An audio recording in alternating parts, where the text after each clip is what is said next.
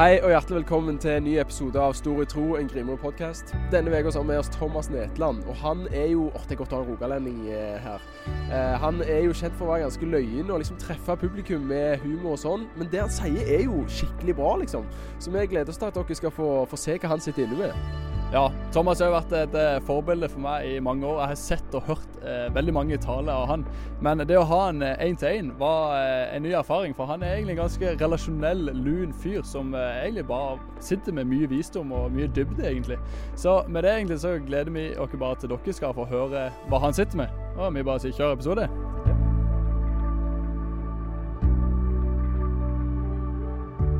Thomas Netland, velkommen til studio. Takk.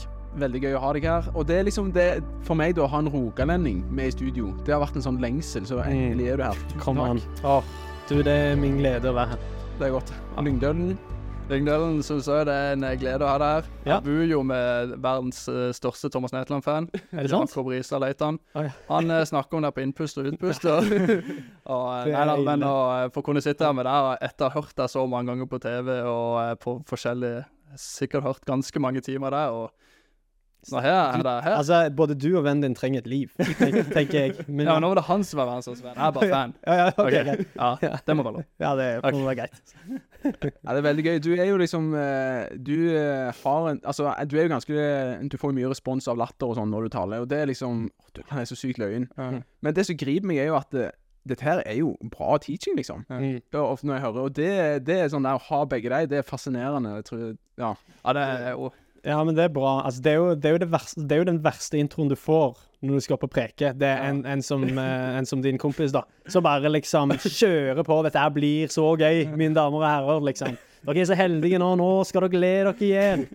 Da får jeg sånn der motsatt. Da er jeg nødt til å være helt Altså, da blir jeg kjempekjedelig, jeg, da. Jeg får helt angst av det. Men ja. ja, Så nå, podcast, skal vi få den gøyeste podcasten du noen gang har hørt. Av verdens morsomste mann. ja, dette blir det sykeste, tror jeg. Ja. uff. Veldig bra.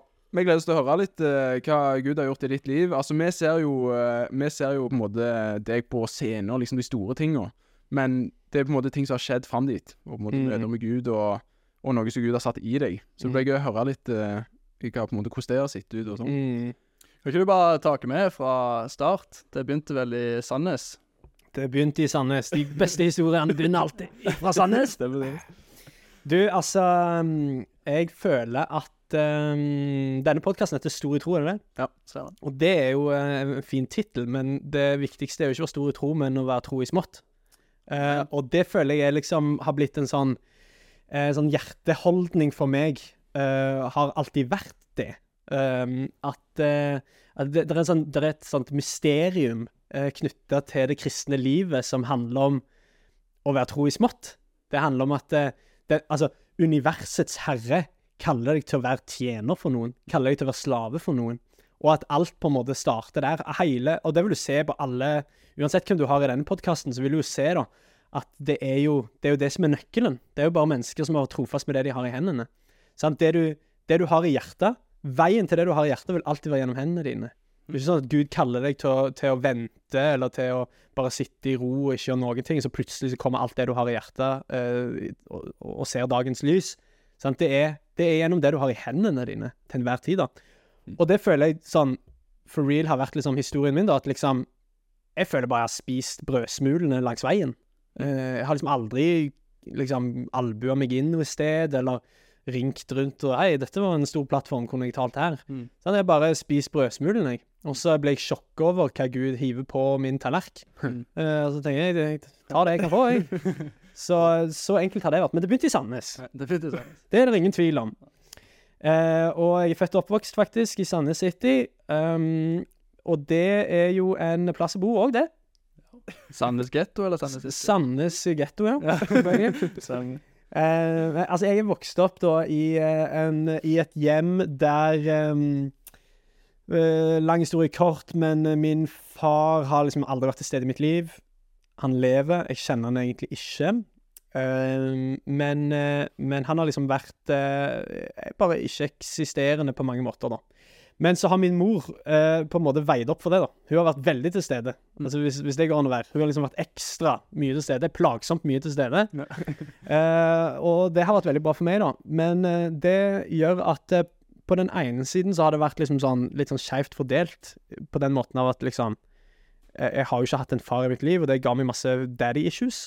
På en annen måte så var jeg ganske ung når jeg innså at eh, min far i himmelen er den eneste far jeg faktisk trenger. Mm. Mm. Og for eh, min kone, da, for eksempel, så hun synes det er mye vanskeligere enn meg. på en måte, At jeg ikke har en far som jeg forholder meg til liksom, rent sånn biologisk, fordi at hun har det. Eh, så det er et sånn vanskelig konsept å forstå. For meg var ikke det så vanskelig. Kanskje òg fordi at jeg opplevde at Gud faktisk ble en så ekte farsfigur i mitt liv. At han fulgte bare det hullet som jeg eventuelt skulle ha hatt der, da. Mm. Så har jeg lært meg òg at eh, far i himmelen er ikke en refleksjon av far på jorda. Han er en perfeksjon av den far vi har på jorda. Så uavhengig av Hvis du har en god far, så lover jeg deg én ting. Du har en bedre far. Sant? Du har en, du har, det er en perfeksjon av den Hvis du tenker du har en god far, Ja. så fins det en perfeksjon av den faren Ja. som, som fins i himmelen, og som vil ha kontakt med deg. Hvis du tenker at jeg har en forferdelig far, så er det samme løftet til deg. Du, Du har en perfeksjon. det av en far. Det, eh, hvis en jordslig far vet å gi gode gaver, hvor mye mer vet ikke Ikke sant? Ja. Eh, og sånn er det. Det har bare vært en sånn kjempetrygg sannhet i livet mitt, da. Eh, og så klarte jeg nok ikke å liksom springe helt vekk ifra at jeg òg hadde noen issues som, som kid. Mm.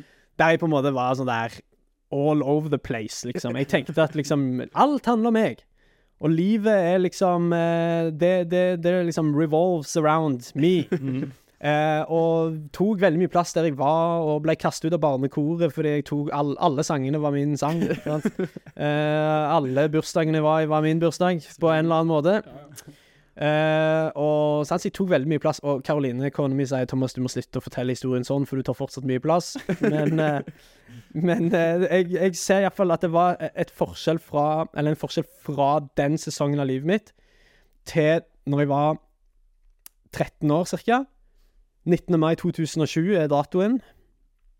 Egil Svartdal hadde mikrofonen. Det var en gymsal full av unge mennesker i Sandnes. Han sa vil du komme fram og bli fulgt med Den hellige ånd, så, så, så er det rom for det nå. For du, du var kristen på denne tida. Jeg var det. Ja. Jeg, det, det og jeg har liksom alltid opplevd at, eh, at dette har vært ekte for meg. Jeg, har, Ja. jeg liker å si at på en måte jeg er sånn kronisk troende. Sånn, jeg, synes det er mye vanskeligere å si at det ikke finnes noen gud. Altså, da ble jeg, altså, hvis, det, jeg kan se meg selv i speilet, og så sier jeg tunga mi. Så tenker jeg det må finnes en gud. Det er jo helt sykt at, går, at jeg har kontroll på tunga mi. At jeg kan gjøre sånn. Og at alle mennesker kan gjøre sånn. Det er jo helt spinnvilt. Så jeg får mye større identitetskrise og troskrise hvis jeg, hvis jeg sier at det, det, det har bare skjedd helt randomly. Uh, for no reason. Uh, så, så ja. Det er noen som sier det er mye større tro å ikke tro på Gud. Ja, selvfølgelig er det det. Du, altså, det er jo ingen som, som, er, som har større tro enn ateister. Nei. Altså, det, det krever mye. Jeg har en sånn venn som, som, er, liksom, som er veldig sånn beinhard på det.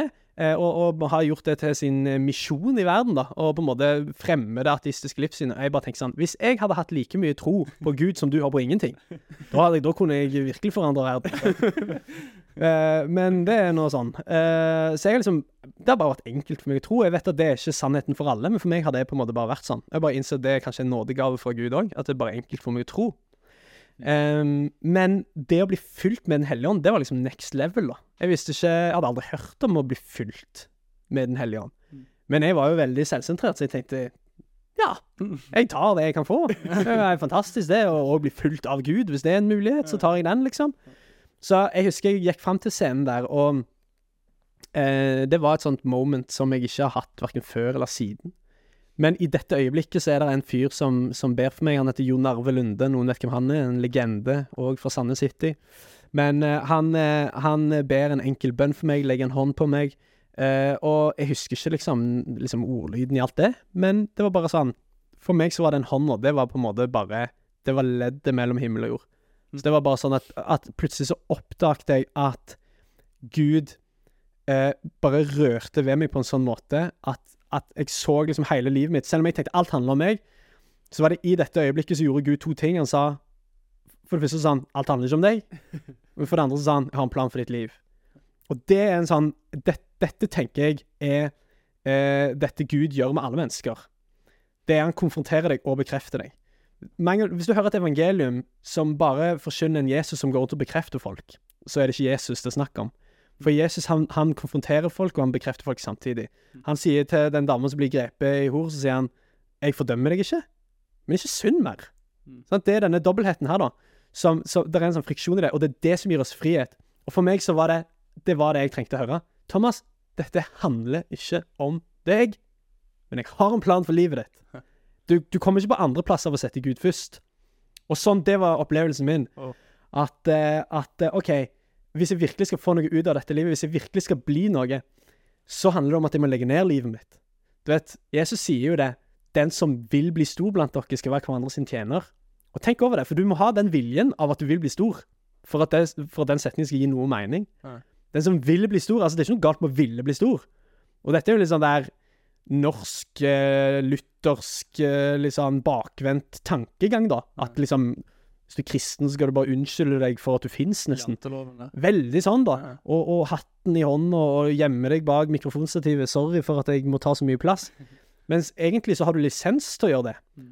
Og Jesus sier hvis du vil bli stor, hør etter nå, legg ned livet ditt. Mm. Hvis du, hvis du vil eh, bli satt over større ting, vær tro i smått. Mm. Og det var det som jeg opplevde i dette øyeblikket her. Ikke ta så himla mye plass, Thomas. Men, men det fins en plass for deg. Mm. Legg ned livet ditt, så skal jeg vise deg hvordan du skal bli stor. Og for meg så, så gikk jeg ut derifra, jeg var jo bare 13 år, men jeg gikk ut fra det rommet med en sånn klar overbevisning om at jeg skal bruke resten av mitt liv på å gjøre Jesus berømt og tilgjengelig for mennesker i min verden, da. Uh, og der begynte det for meg. Så ja, hva var det på en måte som endra seg da når du var 13 der? eller Liksom, hvordan så det ut framover? Ja, det er jo For meg så var det sånn Det var akkurat som å gå til kiropraktoren. Eh, fordi at det er både vondt og godt samtidig. Eh, og det var på en måte noen ting som blei veldig tydelig justert for meg, fordi jeg opplevde um, at det var så mange på en måte ting som jeg hadde drømt om. Jeg husker, jeg, jeg, altså jeg sa til mamma, jeg, dette er jo helt seriøst, men jeg sa jo det Jeg gikk på barneteater da jeg var liten og fikk liksom mye selvtillit av å liksom spille roller og ha suksess med det og sånn. Men Og da husker jeg Engen en sa til mamma sånn Du skal være glad du er mor mi, i hvert fall.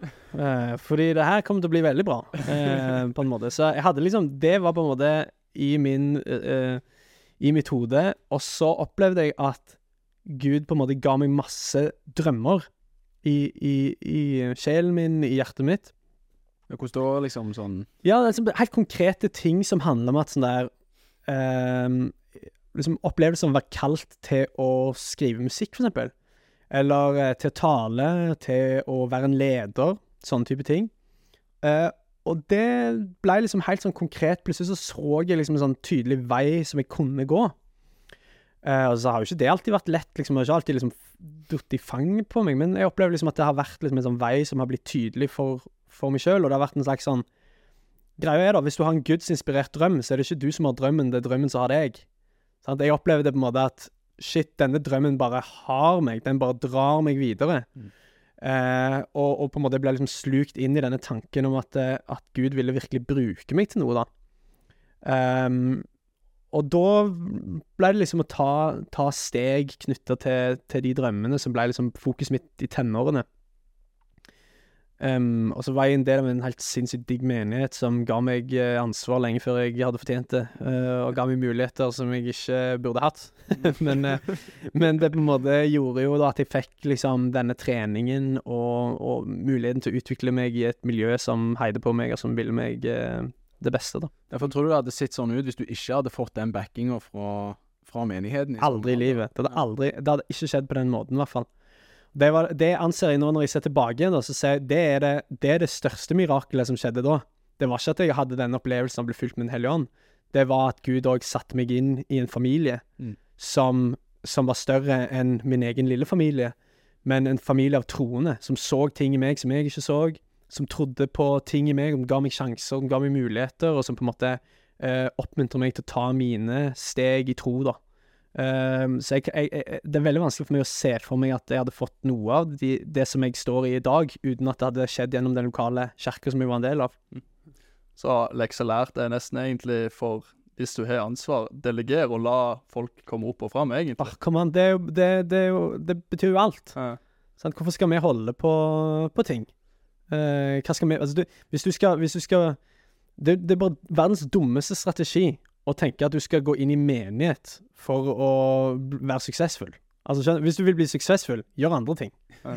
Sant? Men, hvis du, men hvis du er kalt til menighet, så, så gi folk rom. Mm. Gi folk Og det er jo den, den mest effektive måten du kan uh, ta livet av en menighet på, er jo bare å drite i folk rom. Da tar han livet av seg sjøl til slutt. Sant? For da dør jo den når du dør. Mm. Men, men hvis du er der for menighet, og hvis du opplever at Gud har kalt deg til menighet, altså, gi folk space, da, for fillen. Mm. Ellers, eh, hvorfor ellers er du der? Mm. Tenker jeg, da. Absolutt.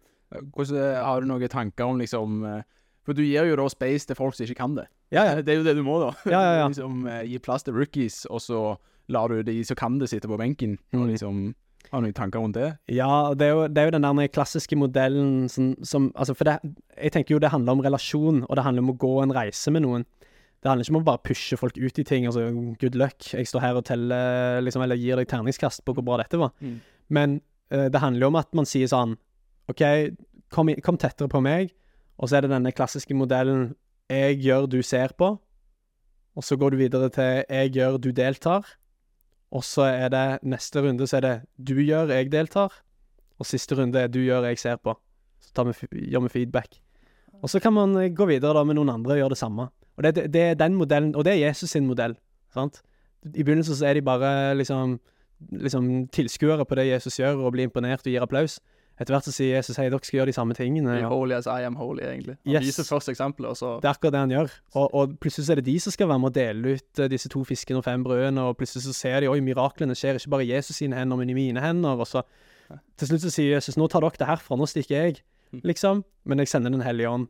Så, og den modellen der har jeg skikkelig, skikkelig tro på, da.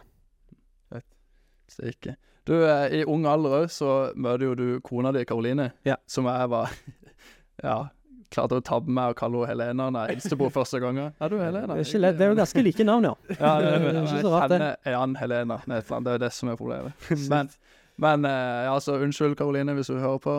Men eh, ja. Eh, nok om det. Du traff henne når du var 14, Mm, og dere er godt gift ennå. mm. Eh, dere gifter dere ikke når dere er 14, da. Men, det gjorde er ikke. Hvordan er den reisen vært, egentlig? Ja, what a journey. What a journey. Nei, hva skal man si, halve palle? Altså, jeg eh, Jeg kan si det først, da. Fordi jeg Når jeg var 14, så var meg og min kompis da vi meldte oss på Norske Talenter.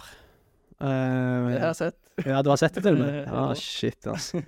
Så vi var på en måte Da var vi 14-15 år, ja. Uh, og vi gjorde det jo bra på en måte. Sånn, vi, vi holdt på med sånn trylleshow, som var mer som tulleshow. Du hadde dreads på den tiden? Det hadde jeg. Det hadde jeg. Det var helt sykt. Dreads og de har jeg i en pose på loftet ennå.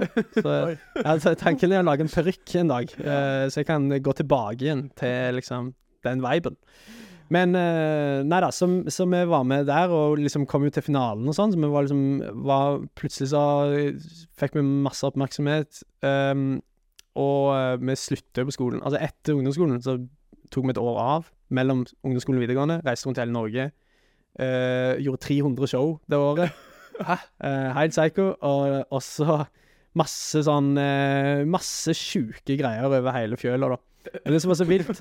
Og det, vi begge to hadde det, Den kvelden som vi nevnte, var sånn der avgjørende for oss begge to. Så vi hadde liksom hatt akkurat det i bagasjen, på en måte, at, at liksom det er Gud som har kalt oss, det er Gud som vil oss noe. Så vi var sånn eh, Mens vi holdt på med de greiene der, så var det hvert, før hvert show så var det sånn Vi må be. Og så vi holdt bare på med tulleting, men det var sånn, vi ber. Liksom om at dette skal bety noe, og at uh, Gud skal bli kjent. Og, sånn, vi ba liksom sånn type bønner, bare for hverandre. Og, og det var liksom fast ritual hver, før hvert eneste en av disse showene. Og så var det sånn, hvis man fikk oppdrag eh, Ja, vil dere komme til sånn og sånn og sånn, eh, det er julebord, eh, bla, bla, bla, den og den fredagen, til å ha underholdning. Så var svaret alltid Nei, vi kan ikke fredager, er på ungdomsmøte, liksom. Så, ja, så var liksom all in på de greiene der.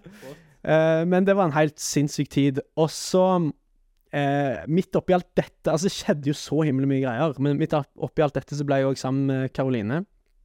Med Jeg trodde vi hadde noe på gang, det hadde vi ikke. Eller hvis du spør hun, så hadde vi ikke det. Eh, men for meg var det veldig obvious. Og det er jo fordi at man på den tiden Altså, dette var jo før iPhone, hvis dere kan tenke dere den ville tilværelsen. Ja, det er helt sykt. Og, og da var det jo eh, sant, og sendte man jo meldinger, da. Ingen emojier på den tida. Det var umulig å vite hva den andre egentlig følte. Sant? Det var ingen emojier, det var bare tall. Det var bare bokstaver og tall.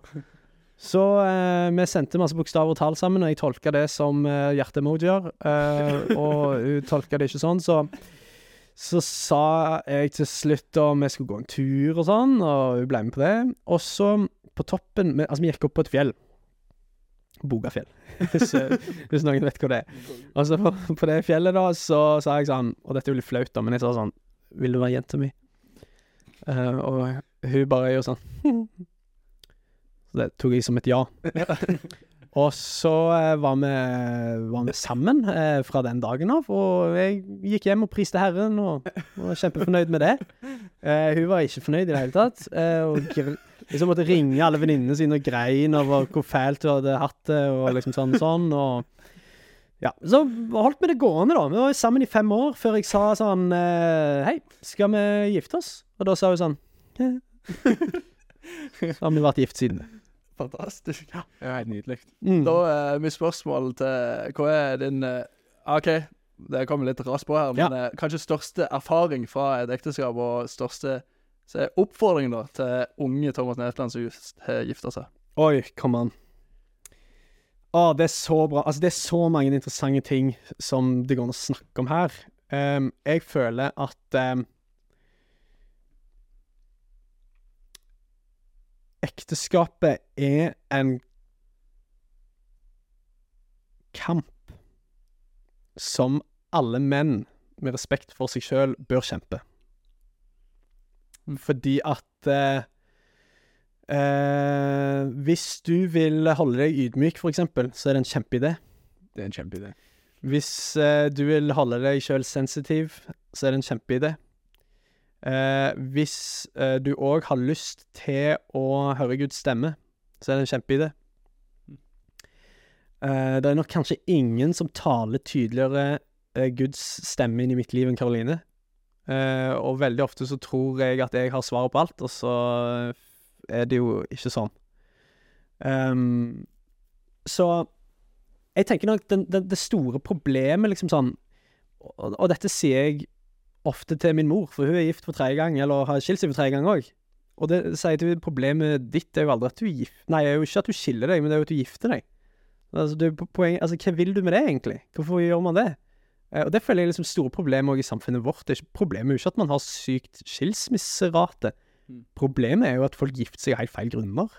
Mm. Eller at folk, gif altså, folk gifter seg fordi de vil ha en fest. Mm. Folk gifter seg fordi det er romantisk.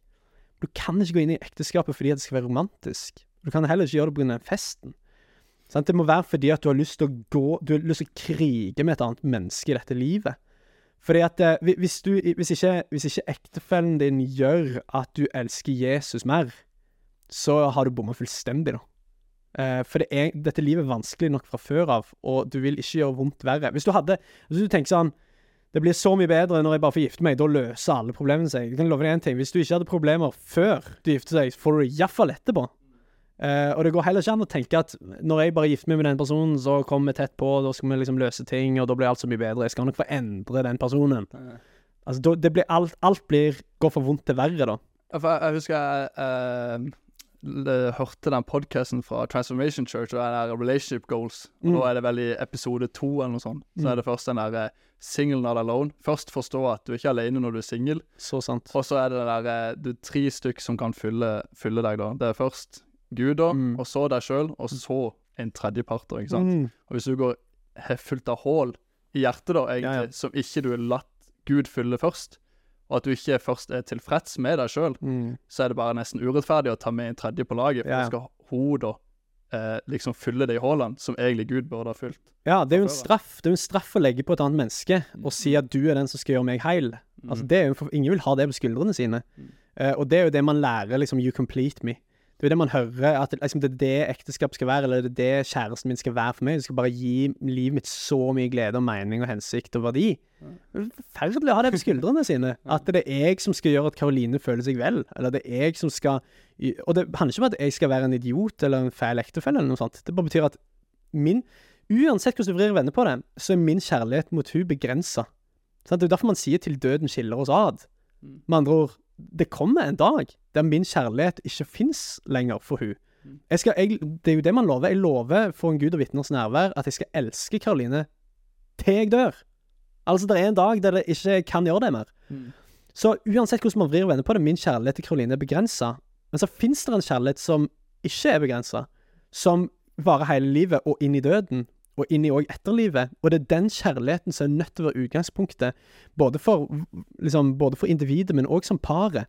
At man står på det grunnlaget av at jeg, uansett hva du sier til meg, uansett hvordan du sårer meg, uansett hvor drit ektefelle du er, eller hvor bra ektefelle du er, så er det uansett en annen kjærlighet i bånd som gjør at jeg er tilfreds med meg sjøl. Mm. Problemet i ekteskap og sånn er jo Men vi er jo veldig sånn fort gjort å gi det over på den andre. Det er den andre sitt problem. Hvis den hadde bare vært litt mer sånn, og den hadde vært litt mer sånn.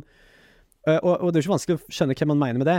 Men problemet er jo at man alltid tenker um, det er noen andre enn deg sjøl som, som er utfordringen. Du kan ikke endre noen andre enn deg sjøl. Du kan kun endre deg sjøl. og det føler jeg er sånn Hvis ikke du har det bra, hvis ikke du har det godt, så kommer aldri du til å ha, til å ha det bra i ekteskapet heller. Mm. Du er nødt til å finne ut av uh, messet ditt. Mm. Uh, og fokusere på å være den beste ektefellen. Kan, det er det eneste jeg kan gjøre. Mm. Det tenker jeg hver dag, og da seriøst hver dag. Må jeg si til Gud, hjelp meg å være den beste ektefellen jeg kan være. Mm. Og så tror jeg på at når jeg bare eh, Eller dette er bare en oppmuntring. Hvis du hører på og du tenker sånn Du er i et ekteskap, eller du er i et forhold som er litt sånn der Du kriger litt, og eh, du føler at den andre burde endre seg, og bla, bla. Hvis du prøver en uke Hvis du prøver en uke og bare gjør det den andre vil kun, du, kun, du legger ned ditt eget liv fullstendig. Og det eneste du tenker på, er at du skal sørge for at den andre, andre, sin, eh, den andre sine behov blir møtt. Hvis du holder på en uke sånn som det, jeg lover deg at dine behov blir òg møtt. Selvfølgelig gjør det det, hvis du legger ned ditt liv og bare tenker på den andre. For det er ingen som kan ta imot en sånn type nåde uten å gi det tilbake igjen. Og det tenker jeg det er det eneste man kan gjøre i ekteskapet. Det er å hele veien sørge for hvordan kan jeg være den beste ektefellen. Mm. Og så, vil, så tror jeg det vil være en frukt av det, da. Så ikke være så opptatt av hvordan kan jeg bli elska best, men enkelt greit hvordan kan jeg elske. Yes! Jeg skal elske, og så er hun sin jobb da å elske. Ja, ja, det, det, det er det eneste altså, Jeg må bare stole på at Den hellige ånd gjør et jobb i hennes liv òg. Ja. Eh, og at, eh, at hun har den samme holdningen. Jeg kan ikke gjøre noe annet enn det. Vi kan selvfølgelig snakke om ting, og snakke om behov, og snakke om det ene og det andre. Men, jeg- men til syvende og sist er det jeg kan bare endre meg, og hun kan bare endre hun med Den hellige ånds hjelp. Mm. Eh, og det, det, det føler jeg er liksom helt sånn key. Ja, for jeg har liksom opplevd det sjøl. Jeg, jeg studerer jo teologi, og så på den ene oppgaven der så, så skulle jeg være eh, fem minutter alene med Gud før jeg liksom kom hjem etter jobb. Og så eh, Da fikk jeg liksom det nye perspektivet. da. OK, Gud, hvordan kan jeg elske Katrine, kona, resten av dagen? Og så erfarte jo jeg det sjøl, at liksom, OK, når jeg kommer der og legger ned livet mitt sjøl om jeg er sliten etter jobb Mm. Og så, så, så tar jeg liksom tar oppvasken og Mm. liksom gi Altså prøver å tjene hun, OK, hvordan kan jeg hjelpe hun nå? Mm. Og så Og så bare Hun blir så fornøyd. Altså, Mm. det, det er liksom Og det er det der eh, Jeg tror det er offeret som hun ser. Og så er det ikke sånn at når jeg liksom har drittdager, at eh, ja, da, da rakner det. Ja. Men da opplever jeg å få en nåde liksom tilbake igjen, og så Mm. ser jeg hennes offer da, når jeg Mm. liksom har tunge dager. Mm. Det har vært litt sånn eh, sykt for meg å se bare i mitt tidlige ekteskap, da. Mm. Og stresstesten her er når, når man er syk. Så hvis man er syk, og så Hvis du ser kona di syk, da, eh, og hva du gjør da, det har alt å si hvordan du blir møtt når du er syk. Fantastisk. Her er det masse ekteskapskurs. Skulle tatt med notatblokker, men uh, Kan du høre på det på podcast? Ja. Ja, nice. På både Spotify, på Apple Podcast og Wow. YouTube. Wow. Wow. Nei, men uh, nice. Uh, så det er egentlig konseptet er å, å tjene. Tjene, så får du det godt, egentlig. Tror det. Jeg tror det er en sånn universell eh, lov. jeg. Jesus snakker jo om eh, liksom å samle glødende kull på noens hode, og det er en ra, et rart bilde. Det er så fett, det bildet. Ja, det er helt konge. Sant? Og det er jo spesielt mot fiender. Sant? Hvis at fienden din er sulten, så gir han mat, og hvis han er tørst, så gir han drikke, osv. osv. Det er jo denne ulogiske kjærligheten som er sånn du, Det er ikke fordi det er fortjent, det er bare fordi at jeg tilhører en gud som, som Der verden er opp ned. Der det er der det er de, eh, de, de som er på bånn, som blir løfta opp, Mm. og de som er på topp, som blir jekka ned. Og, på sånn. altså, og, og det tenker jeg er sånn universell lov, da. Det er ingen som klarer å bære glødende kull på hodet. Det er jo kjempeubehagelig. Så du blir sånn ah, Jeg må gi dette, gi dette fra meg. Jeg må på en måte overgi meg til den godheten som jeg får mot meg. Det er ingen som klarer å bære på godhet og bære på nåde over lang tid. Du er nødt til å overgi deg. Og det tenker jeg både mot våre fiender, men òg mot våre venner, sant? og mot ektefelle. Så bare øser på med nåde og godhet. Det er ingen som klarer å bære det uten å gi det tilbake. Det er fett. Det er, sånn, det er jo en enda next level av hvordan jeg har sett, hørt det bibelverset før. Fordi det jeg tenker er at når du elsker noen andre som hater deg, da, sier fienden nå, ikke sant, så at han egentlig blir irritert. Du, er sånn, du blir fyrt av den godheten du blir møtt med, Ja, ja. hvis det er mening. Ja, det gjør man jo òg. Og så Ja. tar du det enda videre her, og da altså så må de kaste det vekk videre igjen. Ikke Ja, sant? ja, ja. De blir sjøl effekter. Absolutt. Ja, Min tolkning er at du blir bare forvirra og får kull på hodet. det er liksom Du, du må jo bare ta den ut. Ja, Legge gud, det. Ja, fin. Uh, Thomas, du har jo vært uh, i eh, lovsangsverden og magikerverden. Du har vært uh, Du har gjort alt. Magikerverden og lovsangsverden, Ja, det er sterkt. Ja. Ja, det er sterkt. Hva, hvordan var det egentlig å begynne med lovsang, og hvordan er den stien vært for deg? Mm, ja, godt spørsmål. Eller reisen, kan du kanskje kalle det. Ja, reisen. Jeg tror noen er jo veldig sånn opptatt av å lage disse skillene tydelig. Eh, sånn, er du, hva er du egentlig? Er du predikant? Er du forfatter? Er du lovsangsleder? Hvem er du egentlig? Og for meg er ikke det et tydelig skille mellom det. Alt handler om ord. Sånn, det er bare, enten så er det ord med melodi, eller så er det ord som eh, er i skriftlig form, eller så er det ord i verbal form. Så på en måte, for meg er alt dette, alt dette henger sammen. Jeg klarer ikke å skille mellom liksom hva jeg kan, nødvendigvis. Men, um, men jeg opplever nok at liksom musikken har vært en sånn eh, Det har bare forfulgt meg, liksom. ehm, gjennom livet. Så um, igjen, der òg er bare akkurat det samme. Jeg føler bare jeg har liksom spist uh, brødsmulene langs veien. Opplever liksom at det har ligget musikk i meg òg, som jeg har prøvd å gjøre noe med. Og så har jeg liksom lært at det er Gud som uh, Det er ingen som venter på musikken min. Altså, det er jo ingen Ingen som sitter liksom Når skal Thomas skrive noe musikk? Du er ikke med tromkameraten? Men før, i hvert fall før du skriver din første låt, da, eller før du skriver din første bok, så ingen som sitter sånn hm, Når skal dette skje? Jeg, det må skje snart. Um, så det at det på en måte bare At det flower ut av liksom din egen sånn der eh, tro, men òg liksom kjærlighet til Jesus, det har på en måte vært det viktigste. For meg er det mye viktigere å skrive det enn at folk leser det. Det er mye viktigere for meg å skrive det enn at folk synger det. Eh, og så er det liksom opp til Gud. Jeg mener jo noen av mine beste sanger er det jo ingen som synger. Altså sånn, for, fordi at jeg sjøl Altså, de har betydd så mye for meg, da. Mm. Um, så um, Ja, jeg vet ikke om det var et svar. Jeg vet ikke hva du spurte om engang. gang Nei, det var vel eh, fort om eh, Ja, hvordan rei- reisen reisen har vært der, ja. Ja. Du har jo skrevet en av de som jeg nesten hørt mest i Norge, Helja ditt navn. Eller du over, var med og oversatte og sang på Mm, den, og mm. Chris og Sankos Vestet er jo Mm. kanskje de som har vært mest kjent til nå. Mm. Men eh, ja, låtskriververden og disse tingene, det er En syk verden. Ja, steike. Og det er sånn Det er et sånn eh, Vi er litt sånn skjerma for det i Norge fordi at man i eh, Altså, det er et ganske lite land, og miljøene er ganske små, så man er på en måte Du kan ikke gå inn i det u, Altså, du kan ikke gå inn i det og tenke du skal tjene penger, for eksempel. Eh, så du er nødt til å gå inn i det med en sånn uh, ydmyk holdning òg, tror jeg. Men sånn i USA og sånn, eh, når, du, når du Altså, bare smak på dette ordet. Lovsangsindustrien. Så det bare Det gjør jo bare vondt å høre på. Så hva, hva er det egentlig snakk om? Men det er jo liksom Det er jo sånn man beskriver det i USA, da. The worship industry. Liksom eh, Å skrive musikk er jo liksom sånn der Eller skrive lovsangsmusikk er jo et eget fag, på en måte. Mm. Uh, og, og jeg har sånn ambivalent forhold til det, for på den ene måten så Eller på den ene siden så er det jo selvfølgelig noen helt konkrete ting du kan lære knyttet til det. Og det er noen sånn helt konkrete mekanismer som det går an å snakke om, og som man kan lene seg på. Og så på den andre siden så er det sånn Når noen spør meg ja, hvordan skriver man en sang Ikke peiling, jeg vel. Har null snøring. Men jeg opplever at det å skrive musikk, da, er Og jeg liker egentlig ikke begrepet heller, å skrive lovsangsmusikk, for det, jeg føler i mye større grad at jeg finner det, enn enn at jeg skriver det. Jeg opplever mer at, at på en måte jeg finner musikken, jeg finner ordene. Jeg finner, altså det er bare, jeg downloader det fra et eller annet sted. da. Og så var Oi, så heldig jeg var som fant det her. Som på en måte Gud liksom åpenbarte for meg. Um, for, for lovsang er jo det, det, er jo et, det er jo noe som foregår 24-7 uh, foran hans trone. Så med en gang vi sier sånn Nå vil jeg lovsynge, det man egentlig sier da, er Nå vil jeg koble meg på det som allerede foregår. Mm. Uh, og i den greia der så opplever jeg noen ganger at nå bare fant jeg noe.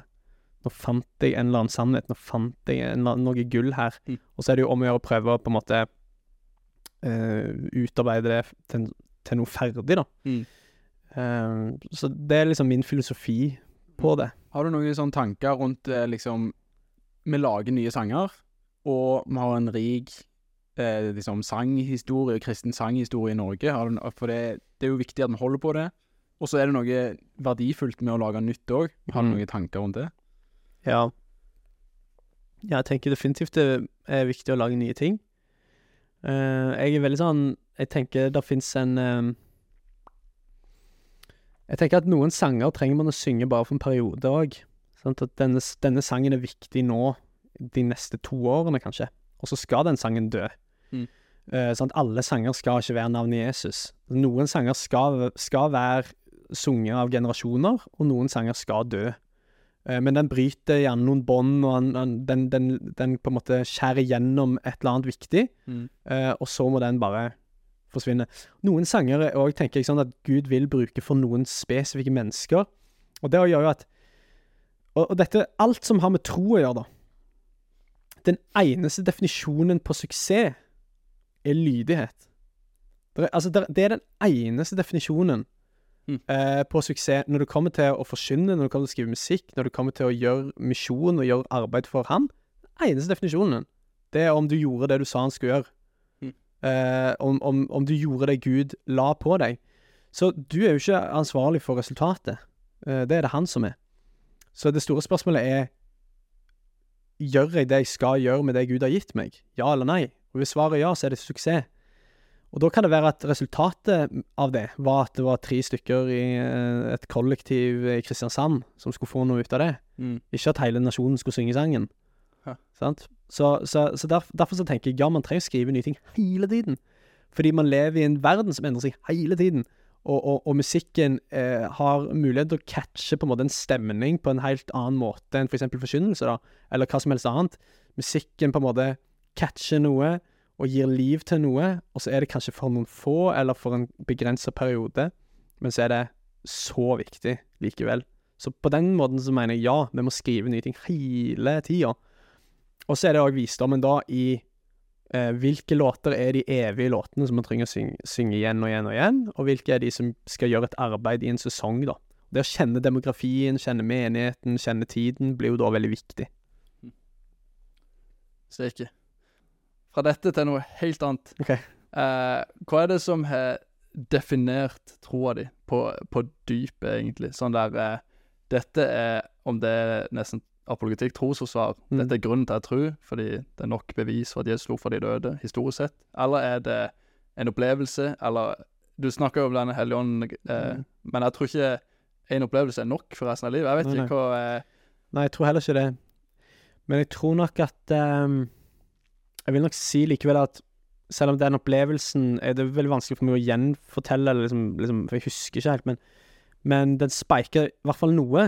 Og så opplever jeg at for meg så har det viktigste vært da de siste 15-16 årene, har jo vært å finne ut av hvor er det eh, jeg kan gå, og hva er det jeg kan gjøre som rydder vekk distraksjonene i livet mitt, som gjør at jeg faktisk hører Guds stemme, da. Og når jeg sier det, så er det ikke fordi at jeg noen gang har hørt han tale rent konkret sånn, men, men jeg opplever det er noen steder, det er noen tider, det er noen greier der jeg opplever altså Noen, noen te teologer kaller det for tynne steder. Så det, på en måte, det er akkurat som det er sånn Det er noen ting du kan gjøre eller, eller, eller, eller gå til for at du skal komme liksom i kontakt med noe som er veldig sånn nært himmelen. Uh, og for meg så er det bare sånn helt enkle ting som å eh, vinne over morgener. Altså det å, det å liksom Tanken om at Gud har vært våken mens jeg sov. Han på en måte sånn venter på meg. Det å anerkjenne det om morgenen, at eh, du har Når jeg gikk og la meg, så la jeg ikke bare ned meg, jeg la ned mitt arbeid, jeg la ned alt, egentlig. Og så legger man seg jo bare i tro. Det er jo en handling av tro å legge seg. Sant? Og det er jo, og, for misjonærer, for eksempel, så er det jo iallfall det. Altså, du har jo kjempedårlig tid som misjonær. Det er jo dritmange ting som skal bli gjort. sant? Mm. Og som kristne så bærer vi et stort kall og sånn. Så det å gå og legge seg, det er meg en handling av tro. Så nå skal, jeg gjøre, nå skal jeg ligge her i åtte timer og ikke gjøre noen ting. Altså, det er jo ikke effektivt i det hele tatt. Mm. Så, så på en måte så gir man det fra seg hele livet sitt. Så sier man jeg stoler på at du plukker opp det jeg legger ned nå. Mm. At du holder oppe livet mitt, og at du vekker meg i morgen.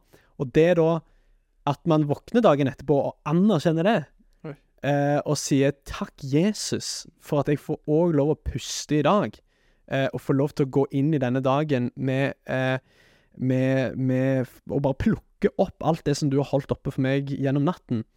For meg så er det de tingene som liksom Det å rydde plass i livet sitt, at du kommer til det punktet at du, at du, at du virkelig kjenner at Gud er noe ekte i livet ditt, og at du ikke bare gønner på videre.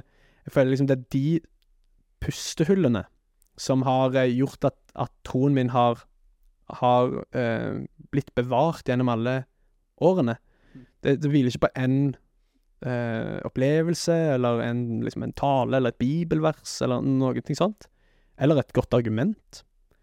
Eh, men det hviler på den stadige opplevelsen av at hvis jeg bare holder kjeft nå, så snakker Gud til meg. Det er jo som eh, eh, er, Noen kan jo ofte si ja, men jeg har hatt disse og disse opplevelsene, så derfor må Gud være sann, eller jeg blir overbevist. Men for der virker det nesten som du har en forståelse av den der eh, hårfine balansen i livet. Det vi Mm. tar for gitt, nesten, har du Ja, ja, ja. skjønt at det er ikke noe vi kan ta for gitt. Det at jeg våkner på morgenen, er Alle tenker jo det er en selvfølge, men det er jo Mm. faktisk en gave i seg sjøl fra Gud, nesten. Ja, det er jo det. Ja. Og det er jo sånn, meg og kona mi er helt forskjellige. Jeg er jo, som sagt, er jo kronisk troende, så jeg våkner jo opp og er kjempefornøyd hver dag. Ja. Eh, og takker Jesus liksom for en nydelig dag. Og Karo er sånn Kan du holde kjeft? eh, så det, det, det er litt klinsj om morgenen. Men det går greit. Du, du høres nesten eh, La meg dra fram Bibelen her på telefonen. Men eh, i Salme 8 så står det jo Når jeg ser din himmel, et verk av dine fingre, månen og stjernene som du har satt der, hva er da et menneske at du husker på det? Et menneskebarn at du tar deg av det? Mm. Eh, Det virker jo nesten som du har innsett dette her med at eh, det at eh, stjernene henger der de gjør, og et Åh, oh, ja, nå kom jeg på en annen Ja. ting. Fordi når du Altså, det, er sånn, det har betydd seriøst mye for meg. Det å gå ut med søppel om kvelden. Ja. Du, før du går og legger deg, så går du ut med søppelet, og så plutselig så bare boom! I det øyeblikket så får du sånn uten av deg sjøl-opplevelse. Der du bare ser Plutselig så ser du stjernene, og alle har gått og lagt seg. Og du er ute med søppel. Sant? Det er veldig sånn Hva er dette livet, egentlig? Og det er sånn eh, liksom Igjen og igjen jeg finner meg sjøl i liksom det der momentet av at istedenfor bare sånn Ja, jeg må ut med søppelet. Men det der med å liksom Nå gjør jeg det. Og så bare stopper jeg opp et lite øyeblikk, og så plutselig bare kjenner du sånn OK, dette er jo sykt. At jeg lever her, og jeg lever nå, liksom. Jeg føler det liksom er greia at eh, For meg er jo bånn gass hele veien, iPhone og liksom full pakke. Og så Mm. når du først stopper opp, da, så å liksom eh, ser ting Det er jo helt sykt. Ja, ja, ja. Når du Ja. Ja. Altså, det, det Smarttelefonen har jo sniksparkla igjen alle livets små pustehull. Sant? Før så var det sånn hvis du venter på bussen, så venter du på bussen. Ja. Sant? Før hvis du satt i et møte, og det var sånn Ja, da er det fem minutter pause, så satt man der, da. Ja. Så er det sånn Ja, hvordan går det med mor di på sykehus? Mm. Altså, skjønner- altså vi, vi hadde jo vanlige, ekte samtaler, Ja. mens nå klager vi på at det er Gud som er stille når det er vi som bråker. Ja. Og det er jo en helt Det gir jo ingen mening. Jeg husker i eh, vår så følte jeg Gud si liksom Kan du slette sosiale medier i en uke? Mm. Og da, eh, da slett, Jeg sletta alt, liksom. Og Mm. jeg måtte sitte der. Så nå jeg, jeg ble nesten redd for å være alene av og til. For det Mm. var sånn Jeg er vant til at noe fyller det hodet mitt hele tida. Ja, ja, ja. altså, jeg satt der, og så satt jeg igjen med tankene mine plutselig og bare Wow. Ja, Er det liksom Hva er det som skjer nå? ja, jeg er jo overbevist om at folk hadde blitt frelst hvis de bare hadde tenkt seg om. Ja. ja, men det er jo Det, det, det var dødelig interessant, faktisk. Det er Mm. hvordan eh, man hele tida fyller hjernen med sånn der eh, dopamin. Som Mm. eh, der scrollinga på Instagram. Helt hjernedødt. Ja, Du kan sitte der og scroller i flere timer, Mm. der du kan eh, Og som en gang man ikke gjør det, hva er det man fyller den der Ja, som du sier, det sparkler igjen den der stilletida, nesten. Mm. Dødelig interessant. Så vi liksom sitter jo og scroller der hele veien. Og så, og så er det jo på en måte det vi fyller oss med, egentlig. Og det blir på en måte Det påvirker jo hele, hele synet vårt på, på verden. Det blir jo sånn helt annet enn det når en bare stoppet opp og kunne se hva som faktisk skjedde rundt, liksom. Mm. Det Ja. Jeg tror skremmer oss mye av virkelighetsforståelsen vår er etter hva alle andre sier, og ja, sier da f.eks. sosiale medier. Vil jeg tro, da. Ja. Hva er, hva er dine tanker rundt, eh, rundt dette, Thomas? Altså Den mest effektive måten å gå glipp av det Gud ønsker å gjøre i livet ditt, er jo bare å følge med på noen andre sitt liv hele tida. Da går du glipp av det. Og det er jo liksom det man gjør.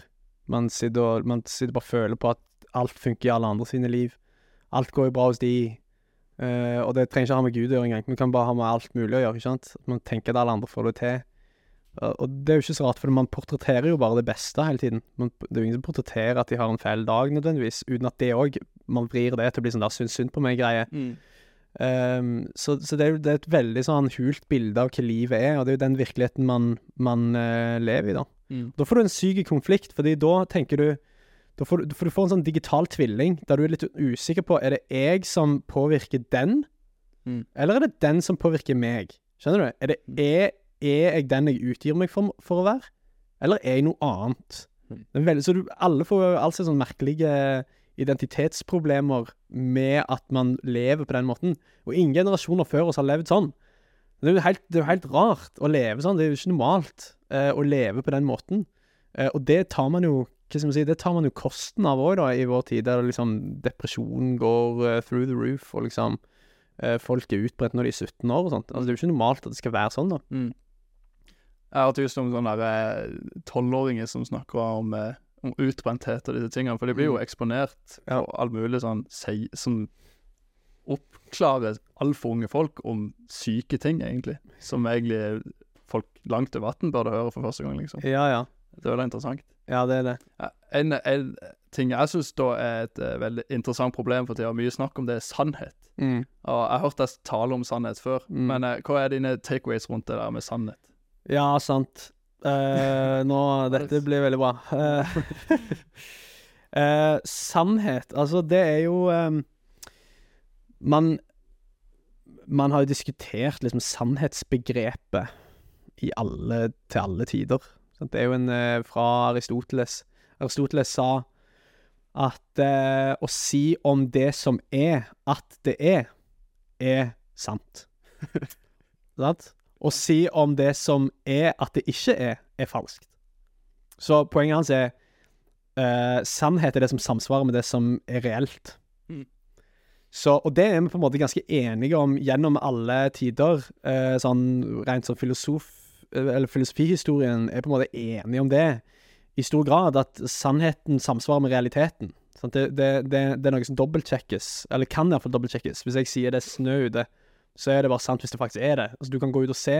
Er det snø ute? Ja eller nei? Og så kan du avgjøre om min påstand var sann eller falsk.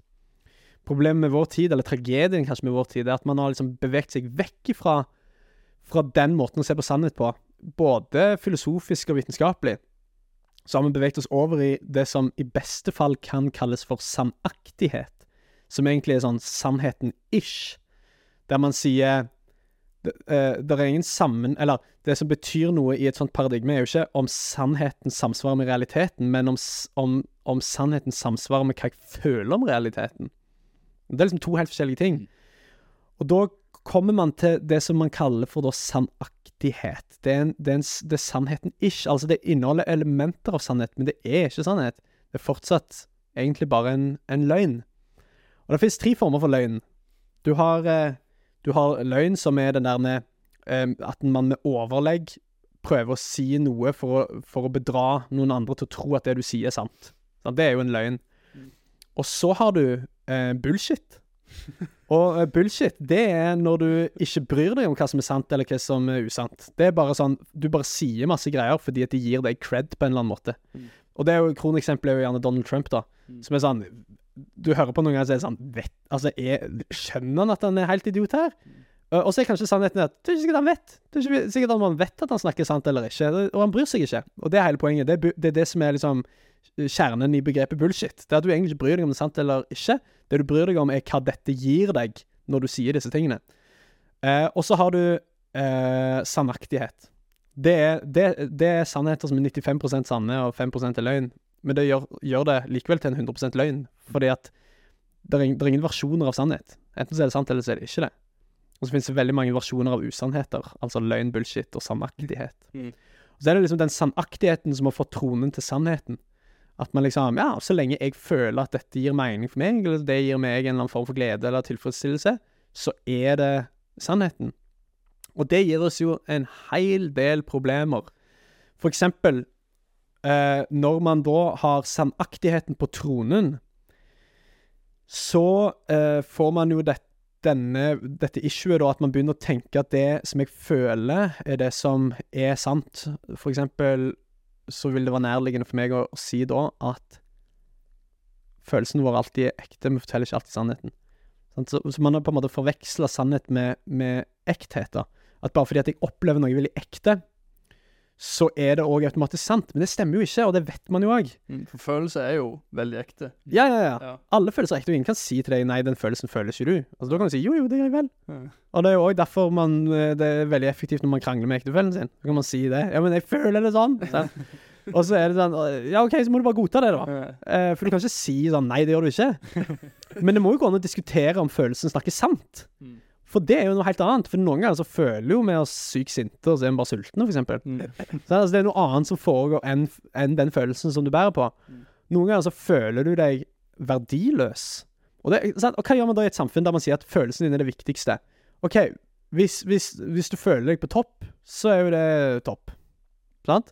Da er, hvis du er det du føler da, til enhver tid, og du føler deg helt fantastisk, ja, da er du fantastisk. Ja, det er helt konge, det. Men hvis du føler deg dritt, da, blir du dritt?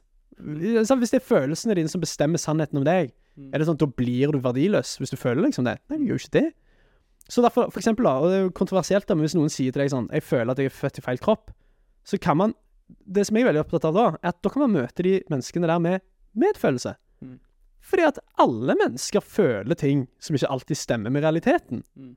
Så man, det er ingen grunn for oss å drive konfrontere og liksom hate på det. Man møter folk med medfølelse når de sier sånt. Mm. Men å videre påstå at du er det du føler, det er jo identitetsbegrepet himla smalt. Mm. Og gjør jo òg eh, sannhet til et veldig flyktig og uforutsigbart eh, vesen. Mm.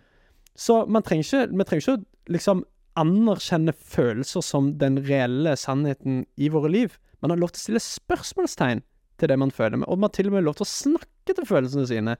Og si sånn Ja, nå føler jeg det, men vet du hva? Slutt med det. Mm. Fordi at jeg, OK, jeg føler meg dritt, men jeg vet jo at jeg elsker av Gud. Jeg føler meg ensom, men jeg vet jo at jeg har en familie. Skjønner du? Du kan snakke, du kan overbevise dine egne følelser og justere dine egne følelser, og det er en sunn ting. Så du, Man får så mange ulike problemer da, når man, når man sier at, eh, at sannheten ikke er universell og uforanderlig, men den er, den er, en, den er en sånn personlig, formbar størrelse. Så da eh, Og hva er sannheten i denne konteksten her, da? Jo. Som kristne, da. Åh, det er veldig digg at du spør. Ja. Fordi, og dette, Det er en fyr som heter Lars Fredrik Svendsen. Han er en eh, norsk filosof. Kjempeinteressant type. Han har skrevet en bok som heter 'Løgnens filosofi', som jeg anbefaler. Veldig kul bok. Men eh, det som er interessant, da, det er at han sier sannhetsteoretikere og filosofer eh, prøver alltid å leite etter den perfekte sannhetsteorien. Altså, den prøver alltid å leite etter eh, hva er den teorien som gir mest mening, og som på en måte kan henvise til liksom virkelig kjernen av hva som utgjør sannhet. Og han snakker om at det er interessant fordi at på den ene siden så syns vi det er vanskelig å definere hva sannhet er. På den andre siden så er det til og med de minste av oss skjønner jo hva det innebærer at noe er sant. Sånn at to pluss to er fire, og at solen er varm, og at Oslo er hovedstaden i Norge. Man sliter ikke med med å forstå konseptet at noe er sant. Mm. Men likevel så er det himla vanskelig å, å definere hva er komponentene eh, som utgjør sannhetsverdien. Det han sier da, det er at, eh, at egentlig så er det et sånn nytteløst prosjekt å leite etter en perfekt teori. Han sier en sånn teori fins ikke. Fordi at sannheten er så fundamental at du kan ikke henvise til noe annet for å beskrive hva det er. Den er så generell og så fundamental eh, og, og så viktig del av den menneskelige erfaringen at det er helt umulig å henvise til noe annet, fordi det er, det er allerede ground zero. Det som er gøy med det, Mm. det er jo at eh, når Moses spør Gud 'Hvem er du?' Hvem skal jeg si Når jeg går inn til, når jeg går inn til Israel eh, og skal lede mitt folk, eller ditt folk ut ifra Egypt, og de spør hvem har sendt deg, hva, hva svarer jeg da, Gud? Så sier Gud eh, til Moses, si at jeg er har sendt Mm. deg. Jeg er en veldig rar ting å, å si, liksom. Mm. Men hvorfor sier Gud det? På et annet tidspunkt så sier Gud til Moses Når han åpenbarer seg for ham, så sier han 'Herren er Herren'. Så med andre ord, Gud kan heller ikke henvise til noe mer fundamentalt. Mm. Gud kan ikke henvise eller referere til noe annet for å forstå hvem han er. Mm. For han er den han er. Mm. Jeg er. Det interessante er jo nettopp da at vi tilhører en gud som påstår at han er så fundamental at det er ingen andre referanseverdier eller referansepunkter i verden som kan egentlig make him justice, eller for forklare hvem han er. Og da vet jo vi Det som filosofien har vanskeligheter med å definere, det er jo klokkeklart i teologien. Sannheten er ikke bare en abstrakt idé, det er en person. Hm. Og han heter Jesus. Derfor sier Jesus 'Jeg er veien, sannheten og livet'. Mm. Og når jødene hørte dette, så ville jo de steine han. Det står jo faktisk flere ganger. De, tok de opp stein. Hvorfor? Fordi at han begynte å definere seg som så fundamental. At det er ingen der, jeg, jeg kan ikke Ja, hvem er du da, Jesus? Jeg er.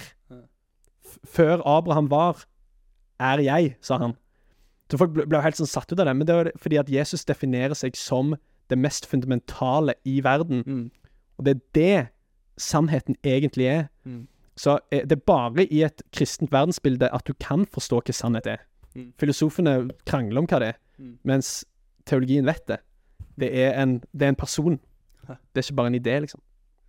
Og det er jo, det er jo eh, Altså, vi kan jo sitte med den her Med et fundament i våre liv, da. Ja. At vi har liksom et sånn Ja, altså fundament, sannhet, som vi kan stå på. Og det er jo det som kanskje virker veldig attraktivt òg for folk som ikke har det. Mm. Av det at liksom Oi, du har et eller annet sånn stødig her. Ja. Det har jeg jo Mm. lyst på. Det der, eh, Jeg hører mye på en som heter Frank Turek. eh, tros- og apologetikk. Og Ja. han, eh, han, er, han er så dølla for hver gang noen eh, spør han Ja, altså, det er sant. Eller sånn sånn her Dette, dette, dette er min grunn til at Gud ikke fins. Og så Ja. spør du liksom bare Ja, men er, er det sant? Hvor finner du den det, Ja. standarden, da? Ikke sant? Altså den der moralske spørsmålet der. Ja, men det er ondt å gjøre det, eller det er godt å gjøre det. OK, men definere godt. Hvor kommer godt fra? Hva er godt? ikke sant? Så må de må man definere da, eh, helt i grunnlaget. da. Sannhet er jo dødelig viktig for å egentlig skjønne verden Ja, ja. vi lever. Helt essensielt. Mm. Sykt interessant dette her. Uh, over til noe annet igjen, Thomas. Uh, du har jo en måte å tale på, og du er jo kjent for å være han som er dødelig morsom når han snakker, og klarer å engasjere publikum da med mye humor. Uh, og mitt favoritt eh, Mitt favorittminne med, fra der på scenen er dette her, så nå er det bare å høre Nå er etter. jeg spent. Dette er fra The Sand i Oslo, okay. når du snakker om avokado-sandwichen din. often also the biggest obstacle for someone being saved. Og, og nå, nå er det viktig at du forstår hva jeg snakker om, for jeg snakker ikke om å være stolt over sånn at, eh, at ettåringen har lært seg å gå, liksom. And uh, I'm not talking about pride in- as in like, oh, the one year old learned to walk. Eller at du endelig har naila avokadosandwich med posjert egg, chili, majones, salt og pepper, koriander delicious. eh, Jeg husker ikke at jeg sa det. Det er jo løye. Da lo 8000 personer i den telenovela samtidig. Det var så tull. Men eh, mitt spørsmål her da er at eh, du Man har jo sett mange Jeg har hørt mange taler sjøl der det er blodseriøst, og det er null latter, og det er Det blir veldig tungt ofte, da. Eh, men eh, hva er det du har skjønt med Jesus, egentlig, som gjør at du kan nesten ta det litt uhøytidelig, hvis det er mening, samtidig som det er seriøst med Jesus, òg, at det er gøy, det er, det er morsomt. Ah, men Bibelen er jo så funny. Det er jo så mye sjuke greier. Og det er jo helt sånn dust å ikke anerkjenne det. Det er jo så mye gøy. Jeg tror jo på en måte at man kan For å si det sånn, da. Det er veldig sjelden at jeg hører på talere som er veldig løgne.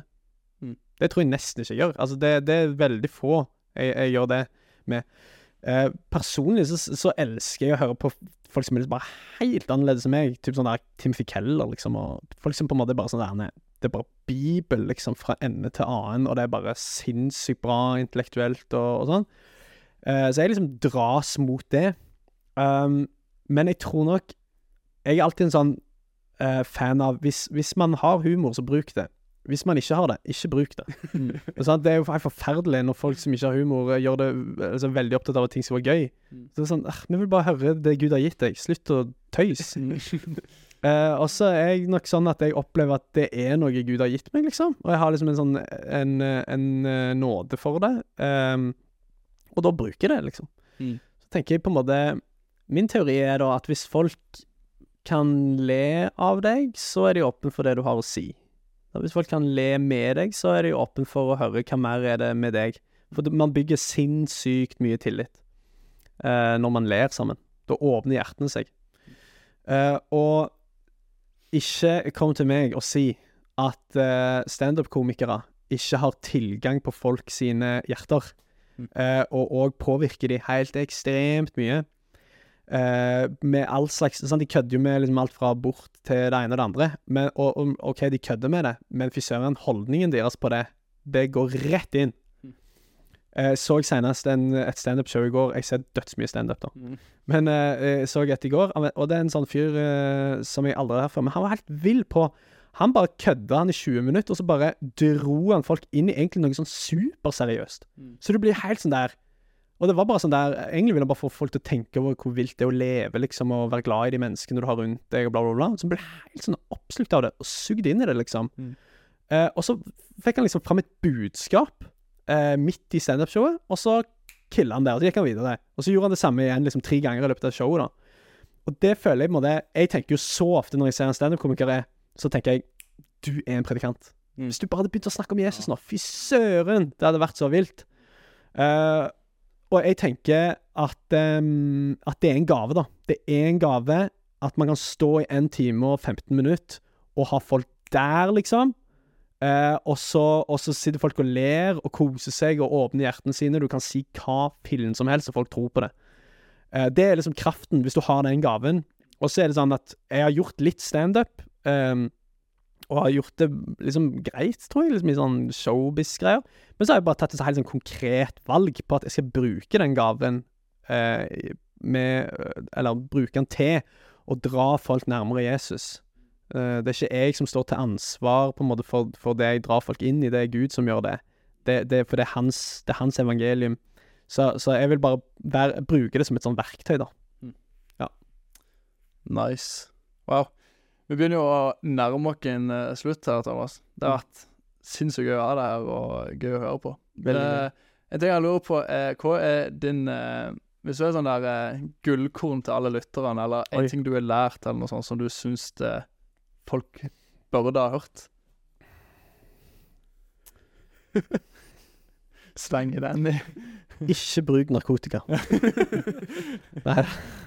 Søren, altså. Nei, det var et eh, Jeg tror ikke jeg har noe bra, altså. Må jeg svare på det? Nei, du må ikke, sant?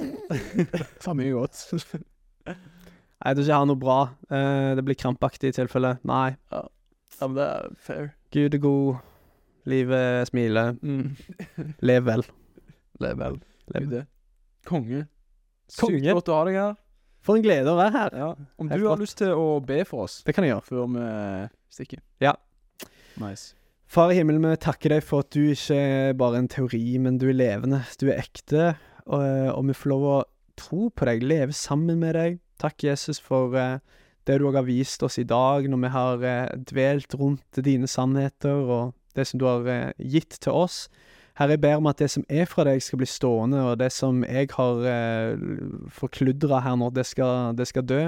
Men vi ber Jesus om at det, det er ditt navn og ditt ord som, eh, som skal være det som står igjen etter denne samtalen. Takker deg for at du har hele verden i din hånd, og vi ber om at din vilje skal skje, og at ditt rike skal komme. I Jesu navn. Amen. Amen. Igjen en eh, glede og en ære å ha deg her, Thomas. Tusen takk for eh, gode timen med intervju her. Um, så siste som står jeg bare med, jeg kan få med autografen til romkameraten. eh, Aldri i livet. Aldri. Det snakkes. Vi gjør det.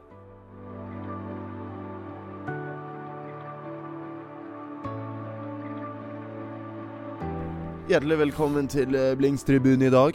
I dag sitter vi på tribunen. Sitter vi her, da? Og uh, dette var jo en episode med godeste Thomas Netland. Ja. Og eh, i dag så er vi litt syke. I hvert fall eh, jeg og Daniel. Jeg har, feber og ja, litt svett i nesa.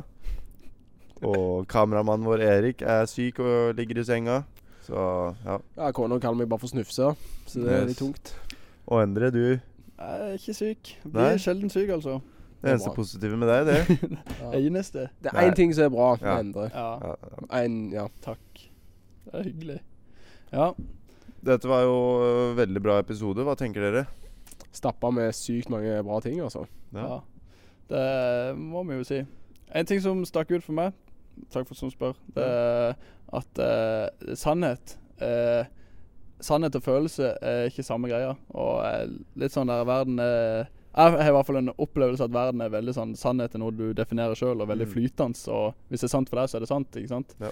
Eh, men eh, Ikke sant. Men at uh, Thomas snakker om dette at uh, selv om du føler noe, så betyr ikke det at det er sannheten. Mm. Og hvordan man skal møte følelser, da. Ikke nødvendigvis med For de er veldig ekte.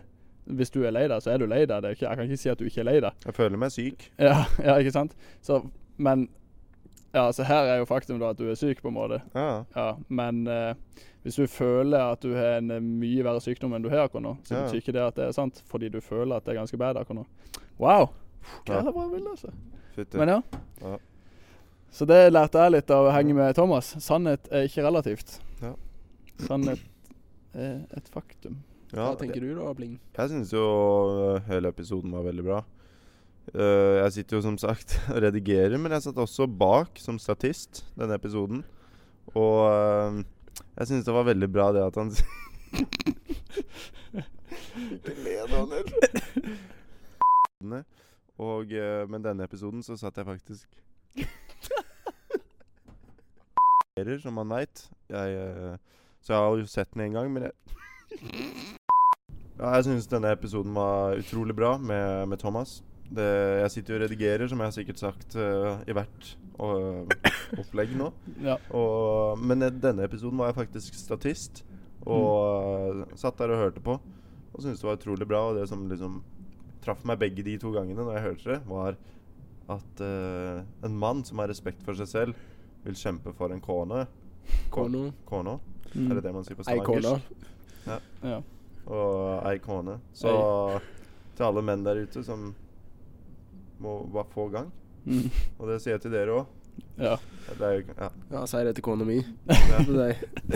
Ja, men det er bra. Så nei, det er utrolig bra. Veldig gøy å, å være statist og redigere Mm. denne episoden. Jeg syns det var fett hvordan han snakket om det med humor, og at, uh, at den kraften til humor, da. Mm. Og Ja. hvordan han uh, liksom bruker det liksom til Guds ære, da. Ja. Som, Hvordan det får- åpner hjertet. åpner hjertet og får fokuset ditt bare Ja. i lang tid, da. Det er fett. Ja. Det er veldig bra. Ja, det, ja, det er gøy.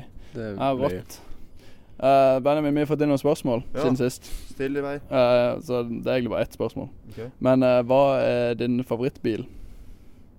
Favorittbil? Jeg liker jo veldig godt en eh, Mercedes, men eh, hvis jeg skal velge én, så velger jeg nok en eh, En Toyota Golf eller noe sånt.